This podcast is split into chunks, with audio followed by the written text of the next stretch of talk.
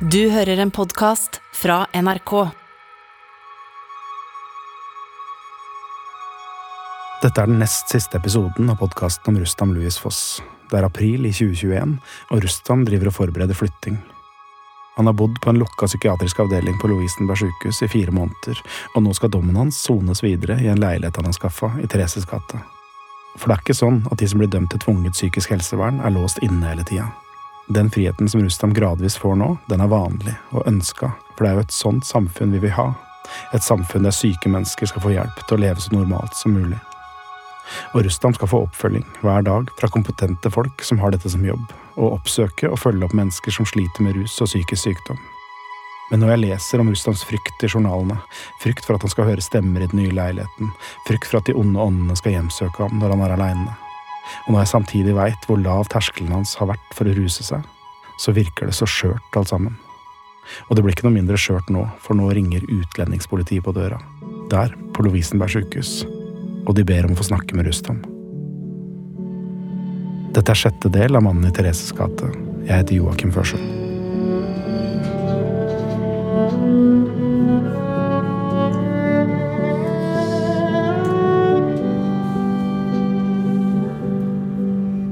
Politiets utlendingsenhet er på sykehuset for å kunngjøre at det er oppretta en såkalt utkastelsessak.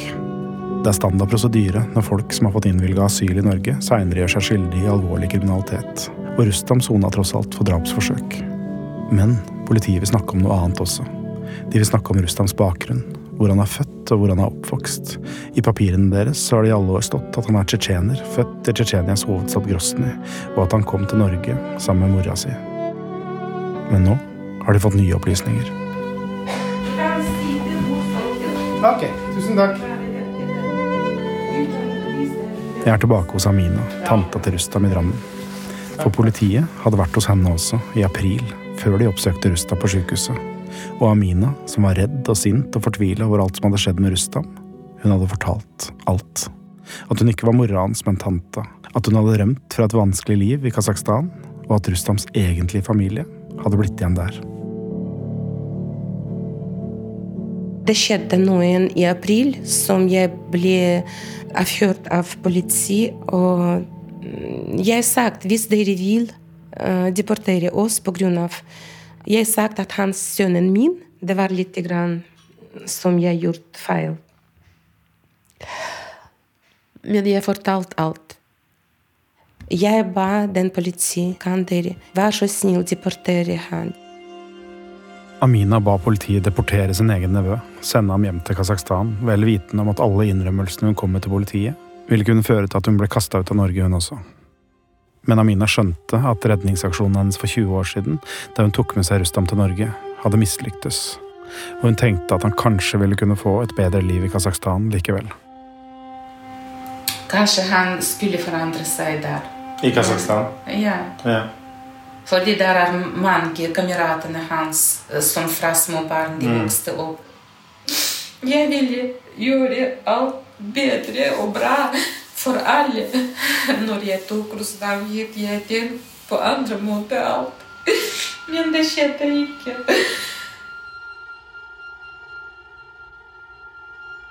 Noen dager etter besøket hos Amina i Drammen oppsøkte betjente fra politiets utlendingsenhet Rustam på Lovisenberg. De ba sykehuset om en psykiatrisk evaluering og ga Rustam beskjed om å skaffe seg en advokat. Denne saken har prioritet, sa betjentene fra politiet, og gikk. Og så kunne Rustam flytte i egen leilighet i Thereses gate.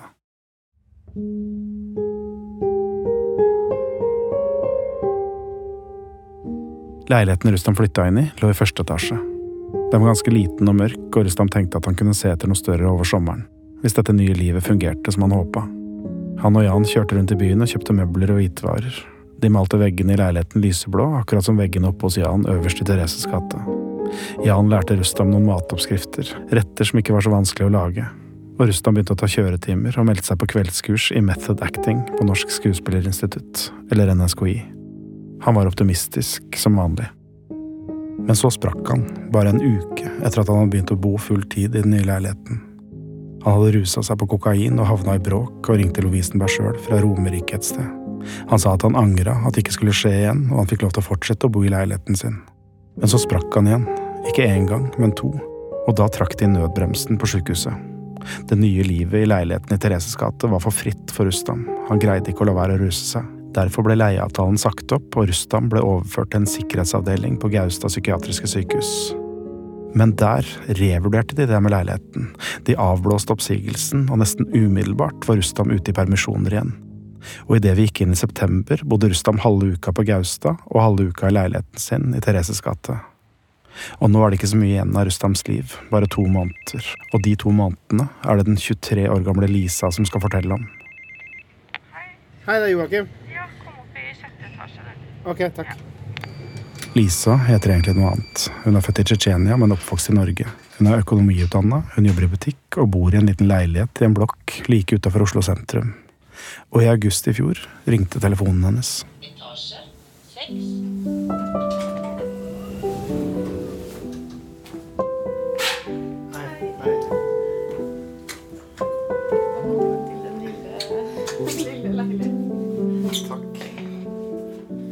Hvordan, hvordan traff du Rustam? Eh, nei, det starta jo egentlig med at han fikk eh, høre om meg gjennom en felles venn av oss. Og det var jo fordi han var så på å møte en dame, da, fra hans egen kultur. Nei, hvorfor det? Nei, han hadde jo lyst til å etablere seg. Så han var skikkelig på jakt etter en kone? Da. Ja. var egentlig det. Og da fikk han eh, Han fikk nummeret mitt, og så kom det liksom telefon etter telefon. Gjerne samme dag, dagen etter. Men jeg hadde jo hørt om han tidligere. Fordi det var jo litt snakk om den hendelsen som hadde skjedd i 2019. Det som skjedde på Eventyrbroa på Grünerløkka? Ja, riktig. Og så hadde jeg jo sett den videoen da det skjedde. Eh, Men når jeg så den videoen, så det, Du Jeg vet ikke, jeg fikk en følelse av at det ikke var han, da. Hva mener du? Jeg tenkte aldri at Oi, for en gæren fyr, eller hva er galt med han? Ingenting sånt. Og da kjente jeg han jo ikke. Så når den her De telefonsamtalene kom, så tenkte jeg heller aldri da at oi, nei, jeg kan ikke snakke med han fordi på grunn av det som skjedde da. Så ja. Det skremte meg liksom aldri. Hva sa han i de telefonsamtalene? Bare bli kjent med hverandre. Han spurte om ting i mitt liv og hvem jeg var. Og noe av det første han sa, var at han eh, studerte på Teaterhøgskolen. Det, det tror jeg han nevnte sånn tre ganger på én kort telefonsamtale. Ja, han var veldig stolt eh, over det. Og så sa han også at at han hadde gått to år, tror jeg. Og så sa han at det ikke var noe for han. At det var derfor han ikke gjorde ferdig det siste året. Hvor mange ganger snakka dere på telefonen før dere traff hverandre? 20-30, kanskje. Så til slutt så sa jeg jo ja, da. Så det ble jo en kaffe, da. Her på Sankthanshaugen. Kan du fortelle om den? Jeg var veldig nervøs. Jeg merket jo at han var litt nervøs, han òg. Han hadde også satt på seg en fin skjorte og noen fine dressbukser. Og så hadde han stressa så mye før han skulle ut at han klarte å ta på seg joggesko. Og så sa han det mens vi satt der og spiste. Han så liksom ned på bena, og så sa han Shit, jeg har tatt på meg feil sko. Likte du han? ja. Det, det gjorde jeg. Ja, jeg vet ikke. Vi bare lo mye og Han lo jo mest av seg selv, da. Han kunne si noe, og så bare kunne han le av seg selv i lang tid. Det var liksom bare hyggelig å være med han.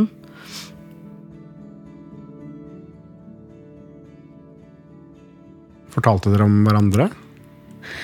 det, det eneste jeg husker, var at han sa Den første gangen vi møttes, så sa han at han hadde blitt dømt for drapsforsøk.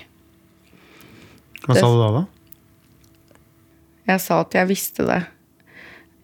Jeg husker bare at jeg tenkte inni meg sånn Ok, det var deg da. Og siden at jeg hadde sett en versjon av han nå som var så rolig og så fin, da, så tenkte jeg egentlig ikke så mye over det. Eh, Spurte han hva du syntes om det? Nei, aldri. Og så snakket vi egentlig ikke om det.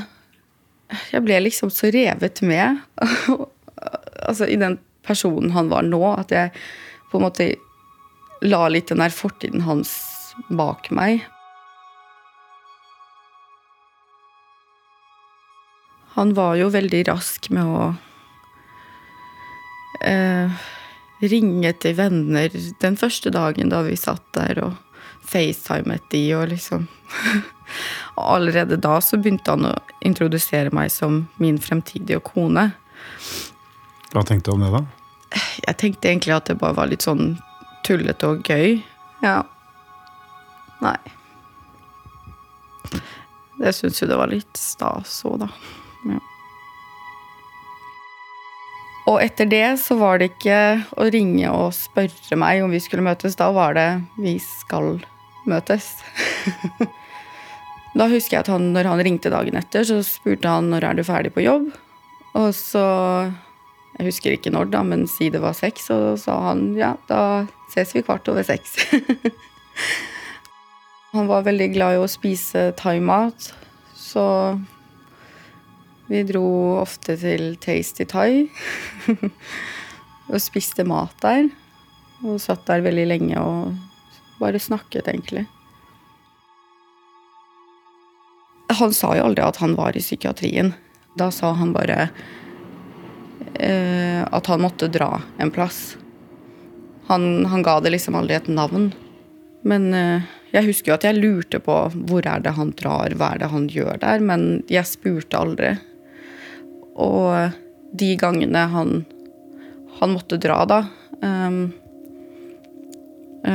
så så pleide han å ringe meg når han kom dit, og så facetimet vi. Da var det alltid svart skjerm Ja. hos han. Ja. Så Og da når jeg spurte sånn Ja, kan jeg få se, eller hvordan er det der? Og så sa han bare at lysene var av, eller noe sånt. Så han, han ville aldri vise vise frem plassen, da.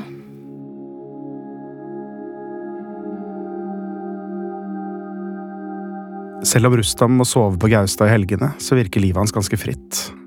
Han er pasient på en sikkerhetsavdeling, men han er ute blant folk hele tida. Han drikker stadig vekk alkohol også, det viser urinprøvene hans på sjukehuset. Men han fortsetter å få permisjoner. Onsdag den 3. november er han på bar i Trondheimsveien i Oslo sammen med kompiser, og en kvinnelig bartender opplever ham som rusa og truende. Hun kontakter politiet, og når de kommer, treffer de Rustam utafor. De får navnet hans og personnummeret, de loggfører det, men de kan ikke ha sjekka det. For hvis de hadde sjekka det, så hadde de sett at Rustam Louis Foss var på permisjon fra tvungent psykisk helsevern etter et drapsforsøk et par hundre meter lenger nede i gata. Og da ville de ha kjørt ham tilbake til sikkerhetsavdelinga på Gaustad. Men den alarmen gikk ikke. Politiet oppretta ikke sak, og hva de skulle med personnummeret hans, det veit jeg ikke. For de viste ham bare bort og ba ham holde seg unna Oslo sentrum til neste formiddag. Ingen på Gaustad fikk vite at Rustam hadde trua folk på byen. Og Lisa hun visste ikke engang at Rustam var på Gaustad, og ingen hadde fortalt henne at Rustam kunne bli farlig både for seg sjøl og andre hvis han drakk. Permisjonsordninga fortsatte bare. Sikkerhetsnivået hans ble gradvis lavere, og nå hadde Rustam fem dager igjen å leve. Merka du om det var noe rart med Rustam? Noe som skurra? Eh, nei, egentlig ikke. Eh, vi hadde lunsj sammen eh, søndagen før han, før han døde. Eh, han var ganske rolig gjennom hele lunsjen. Vi sitter og spiser. Han plages litt av at han er forkjøla. Hoster litt, kaldsvetter. Men så dreiv han også tok seg veldig mye rundt nakkepartiet. Så jeg spurte hva som var galt. Uh, og da sier han at han tror han har en demon i seg. Um, Så jeg prøver å spørre han litt eh, rundt det. Eh, Og da sier han at han har hatt vondt i nakken over lang tid. Eh, Og at det kunne skyldes at det var en demon i han. Men jeg ba han bare dra til legen og få det undersøkt. Eh, At det kunne være en muskel eller et eller annet. Men han mente da at det, det mest sannsynlig var en demon da, som hadde inntatt kroppen hans og ville gjøre han vondt. Og så ville han at jeg skulle lese Koranen for han øh, for å få ut denne demonen, da. Vi fikk jo aldri tid til det, men, øh, men det var det han ønsket. Og det tenkte han at kom til å hjelpe han. Det er vanskelig å vite hva Rustam sa til behandlerne sine på Gaustad om smertene i nakken og hva han trodde skyldtes, men samtalen med Lisa kan tyde på at han var ute på perm i psykotisk tilstand. De avslutta lunsjen. Lisa gikk tilbake til den lille leiligheten sin, og Rustam vendte tilbake til livet han holdt hemmelig for henne. Livet på Gaustad psykiatriske sykehus. Livet med låste dører og urinprøver og leggetider og antipsykotiske medisiner. Livet blant leger og psykologer og andre psykiatriske pasienter. Og da det ble kveld, ringte han henne. Så ringer han før han skal legge seg, um, og så sier han at han vil gjøre noe fint i morgen, da, altså mandagen. Så han ville spise en fin middag. Så vi spiste jo middag, da. På mandag kveld. Ja. Mandag kveld. Um, Og hvordan var det? Det var veldig fint. Akkurat den dagen så snakket han mye om framtiden sin, da. Om hva han skulle gjøre fremover. Han nevnte blant annet øh, at han ville at jeg skulle møte familien snart, og at han skulle ta lappen snart. Så da snakket han alltid om at når jeg får lappen, så, så ja, da skal vi på norgesferie. Hvor skulle dere kjøre da? da? Nei, først så nevnte han Holmenkollen. Norgesferie til Holmenkollen? Ja, han var jo glad i å gå tur. Men da sa han at da skulle vi kjøre til Holmenkollen, og så skulle vi um, Skulle vi gå tur, da. Så spurte han ja, har du alt du trenger. Turbukse, tursekk Tursekk trenger man kanskje ikke på Holmenkollen, men Ja, nei. Han var kanskje enda blidere enn normalt. Så han, det var jo veldig tydelig at han så frem til disse tingene. Så var det noen ting da som, som også samtidig plagde han. Hva da? At- Nei, han nevnte at han kanskje skulle bli kastet ut av Norge. Hva sa du da? Jeg spurte jo hva mener du med det, og da nevnte han den At han hadde en sånn ut, eh, utvisningssak gående. Um, hele stemningen var litt snudd. Så plutselig eh, sier han Først så ser han seg litt rundt, litt i, i taket. Altså, han ser på plasser der det ikke er noen mennesker, og så sier han 'jeg tror, eh, jeg tror de hører oss'. Eh, da spør jeg 'hva mener du?' Og så ser han litt sånn nesten litt skremt ut. Han bare ser rundt seg og sier 'ja, det kan være de hører oss'. Hvem var de da som skulle høre hva dere snakka om? Uh, det vet jeg ikke, for det satt ingen i nærheten av oss. Nei, Som kunne hørt hva dere sa? Nei. Så det var som om han refererte til de som noen som vi ikke kunne se, da. Jeg ser at han går inn i sitt eget hode, og så sier han plutselig um, at ja, kanskje det er best at jeg forsvinner i to år. Å ja. Hvorfor det? Nei, det, jeg òg tenkte hvorfor det, når han sa det. Og det var akkurat det jeg syntes var litt rart. Hvorfor akkurat to år? Han fikk eh, Han fikk et sånt eh, tydelig stress over seg. Han ble veldig engstelig, urolig. Eh, uten at han sa noe, så merket man det på bare måten han snakket, da. Og så var det nesten som at han liksom Han måtte gå veldig fort, da. Så da Da gikk vi hver vår vei, og det var det siste jeg så av han.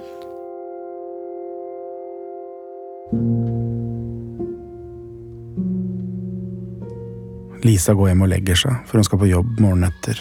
Rustam går nedover Thereses gate mot byen. Han treffer folk han kjenner, folk han pleide å feste med, før han ble innlagt og varetektsfengsla. Han ruser seg på kokain og inviterer til nachspiel. Han ringer Lisa derfra, men hun sover og har telefonen på lydløs. Og så blir det morgen, og omtrent idet Lisa setter seg ved det lille kjøkkenbordet sitt for å spise frokost, forlater Rustam leiligheten sin. Klokka er ni. Det er kaldt og grått, og det regner lett. Folk er på vei til jobb. Noen går innom det lille bakeriet ved blomsterbutikken. Andre tar med seg en kaffe fra kaffebrenneriet og går ned til trikkestoppet ved Bislett stadion. Og da kommer han springende. Rustam, mannen i Thereses gate. Barbeint og i bar overkropp, med en svær kjøkkenkniv i den ene hånda. Han er vill i blikket, han roper Allahu akbar. Han løper etter tilfeldige personer. Folk ringer politiet, og snart stopper en patruljebil midt i veien. Rustam stopper også, med den ene foten foran den andre. Han flytter vekta fra fot til fot, løfter kniven over hodet. Så tråkker føreren av politibilen på gasspedalen. Bilen treffer Rustam i høy fart. Men han reiser seg og halter nedover på fortauet. Forbi bakeriet forbi blomsterbutikken. Og så smeller det igjen. Politibilen kjører på Rustam enda en gang. Og så treffer den husveggen ved et lite portrom. Kollisjonsputene i bilen løser seg ut, og dørene åpner seg automatisk. Rustam bykser mot åpninga på passasjersida. Han hugger med kniven mot politimannen som sitter der. Og så faller skuddene.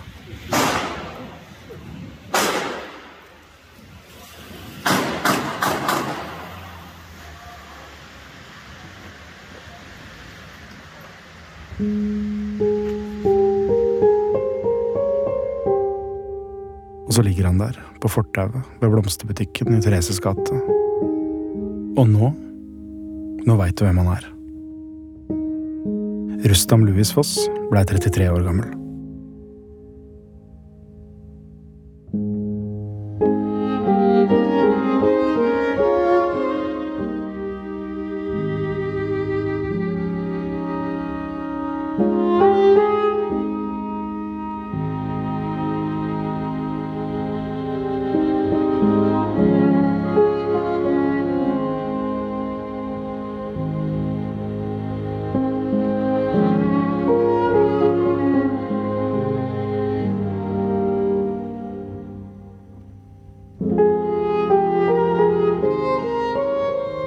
Her denne fortellinga starta, da skuddene falt i Thereses gate en morgen i november i fjor.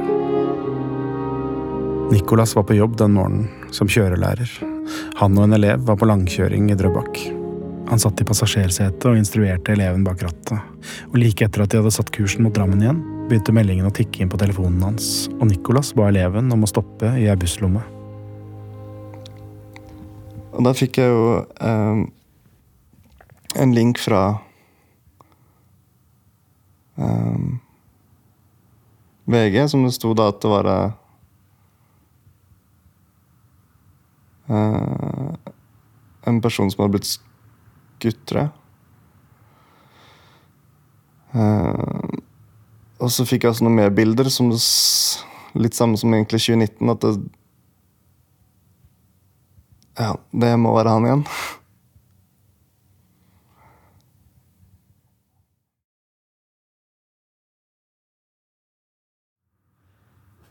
Hva gjorde du da?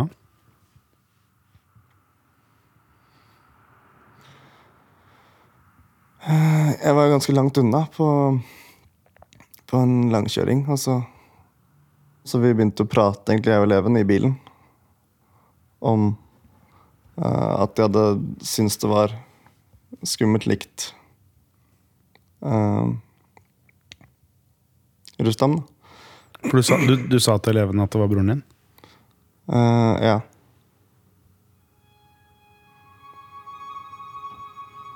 Og så mens vi egentlig prata om det, så, så ringte storebroren min meg, og så sa han at uh, Rustam er død.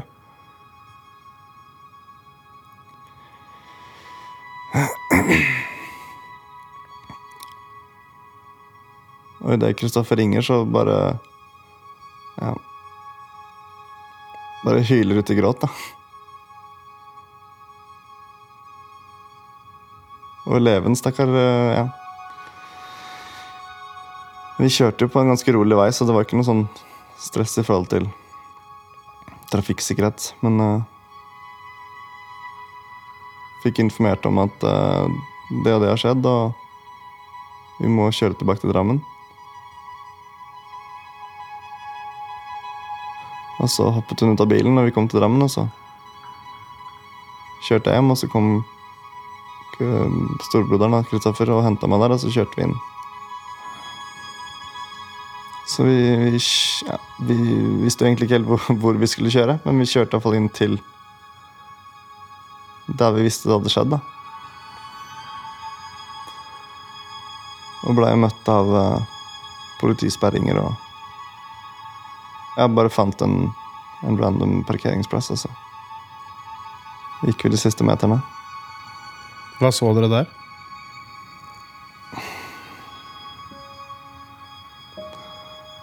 Altså, det var jo et slags telt, nesten, over der hvor den politibilen sto.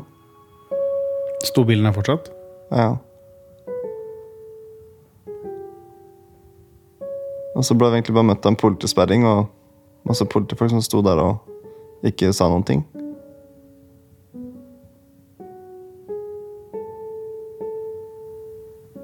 Sa dere hvem dere var?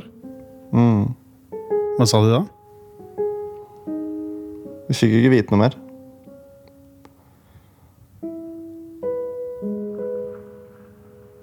Vi var liksom så rådville. Um, visste jo knapt egentlig hva som hadde skjedd, utenom at den var død. da. Hvor skulle vi dra? Altså, hvem skulle vi snakke med? Skulle vi bli ringt av noen? Hva gjorde dere da? Ja, vi var vel der en- kanskje en time. Egentlig bare stå og stirre. Stirra på hva? Der den politibilen sto.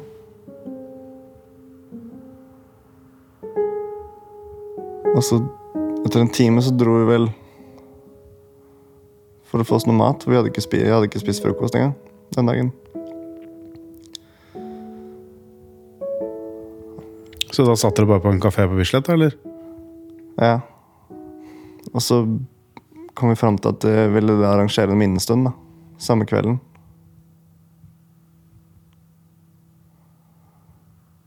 Der det skjedde. Så jeg bare lagde et sånt Instagram ehm, Story, altså. Med tid og oppmøtested. Og så ble det delt, da. Det blir mørkt tidlig. Politibilen er taua vekk, og folk stimler sammen utenfor den lille blomsterbutikken der Rustam døde. Det er drammensere og tsjetsjenere, det er brytere og det er skuespillere. Det er flere hundre av dem, flere hundre mennesker som var Rustams venner. Men de er ikke en sammensveisa gjeng, akkurat. De færreste kjenner hverandre, for Rustam hadde levd så mange liv. Han hadde hatt vanntette skott mellom de livene, og de sørgende menneskene i Thereses gate var et symbol på akkurat det. Så når vi kom inn der, så stappfullt allerede. Masse folk. Som hadde begynt å legge ut blomster og, og lys og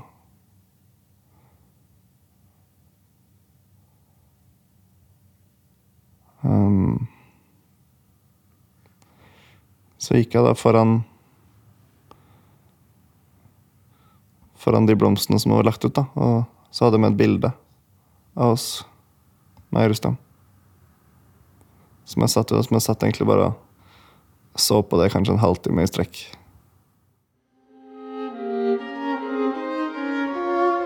Hva slags bilder var det?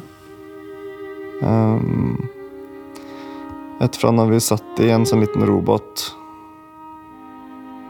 Um, jeg satt liksom foran han, og så satt han bak meg, og så hadde vi armene Armene våre ut til siden.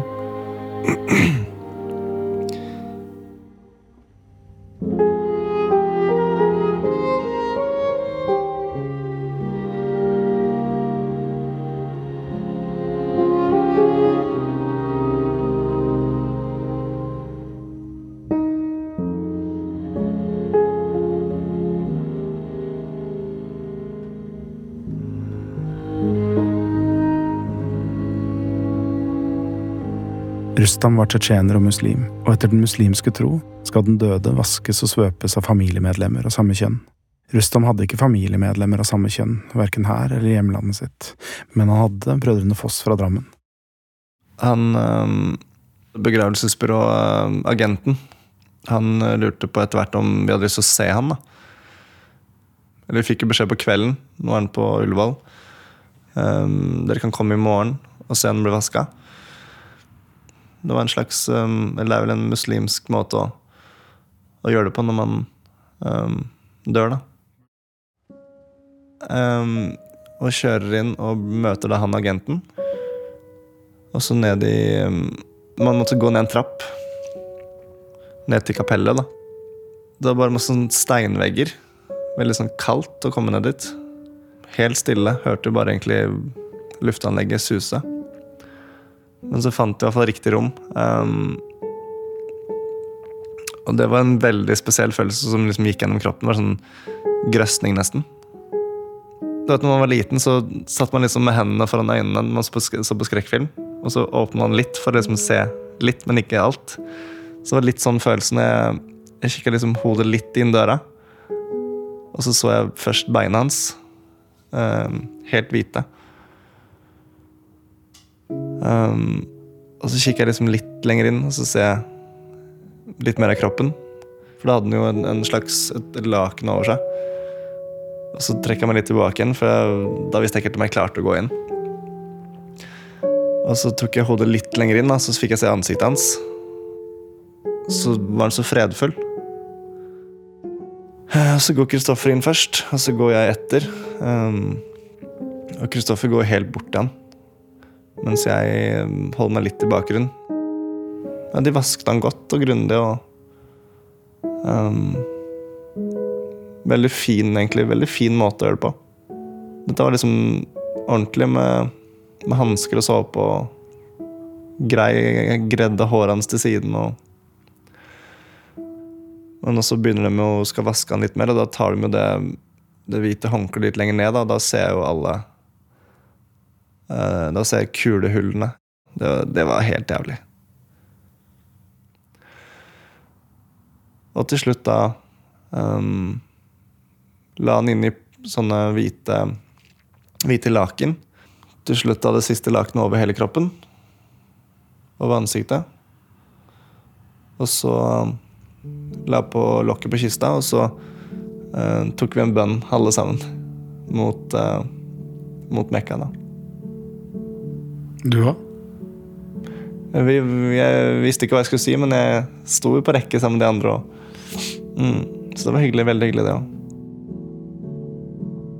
Eh, Ble dere noen gang fortalt om han skulle begraves i Norge eller et annet sted? Vi ville ikke blande oss for mye i det. For det, er på en måte litt, det var litt mer en, en ting jeg følte Amina, tanta, da ville Eller skulle få lov til å ta.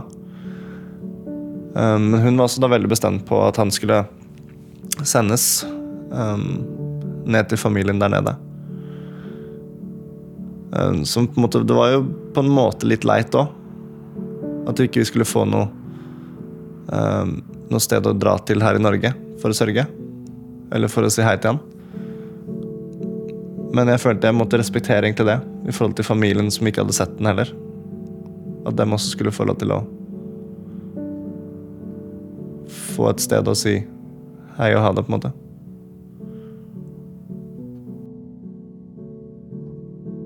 Rustam hadde ingen formell tilknytning verken til familien Foss eller til Jan, som han bodde sammen med i ti år.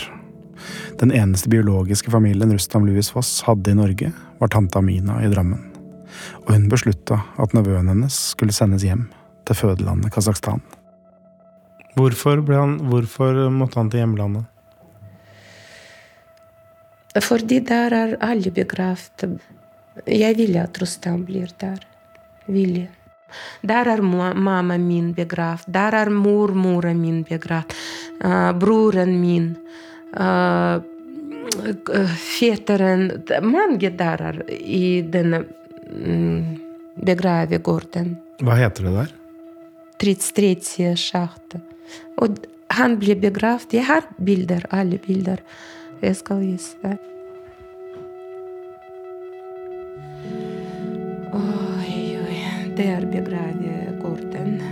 Amina tar fram telefonen sin og viser meg bildet fra Rustams siste reise. Det ser veldig kaldt ut der. 30 grader det var. Minus. Den hvite kista som lempes om bord i flyet på Gardermoen, og mennene i Kasakhstan i skinnluer og tjukke jakker som bærer Rustams kropp over en liten snødekt gravplass på ei slette utafor gruvebyen Karaganda. Og kvinnen i svart som gråter. Louisa, Rustams storesøster. Når de tok ham fra Louisa gråter.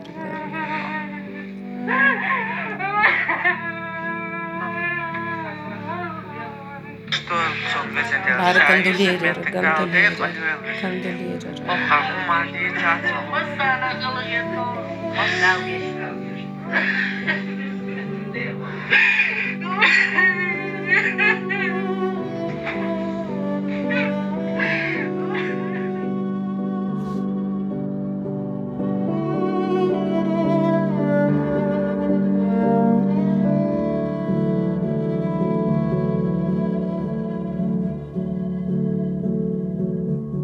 Dette var sjette og nest siste del av historien om Rustam Louis Foss, mannen som ble skutt av politiet i Thereses gate en morgen i november i fjor. Det er ett kapittel igjen, og det utspiller seg i Rustams fødeland, Kasakhstan, hjemme hos søsteren, Louisa, som Rustam måtte reise fra under uklare omstendigheter da han var 13 år gammel. Mannen i Thereses gate er produsert av Gyldendal for NRK og er laga av Ragnhild Fangel Jamtveit og meg, Joakim Førsund. All musikk er skrevet og spilt av Ola Kvernberg, og Mina Martine Lystad har gjort research. Lydmiksen er gjort av Marius Ytterdal. Eksekutiv produsent i Gyllendal er Harald Ofstad Fogner, og redaktør i NRK er Miriam Inyares. Hvis du har behov for noen å snakke med om mental helse, ring 116 123.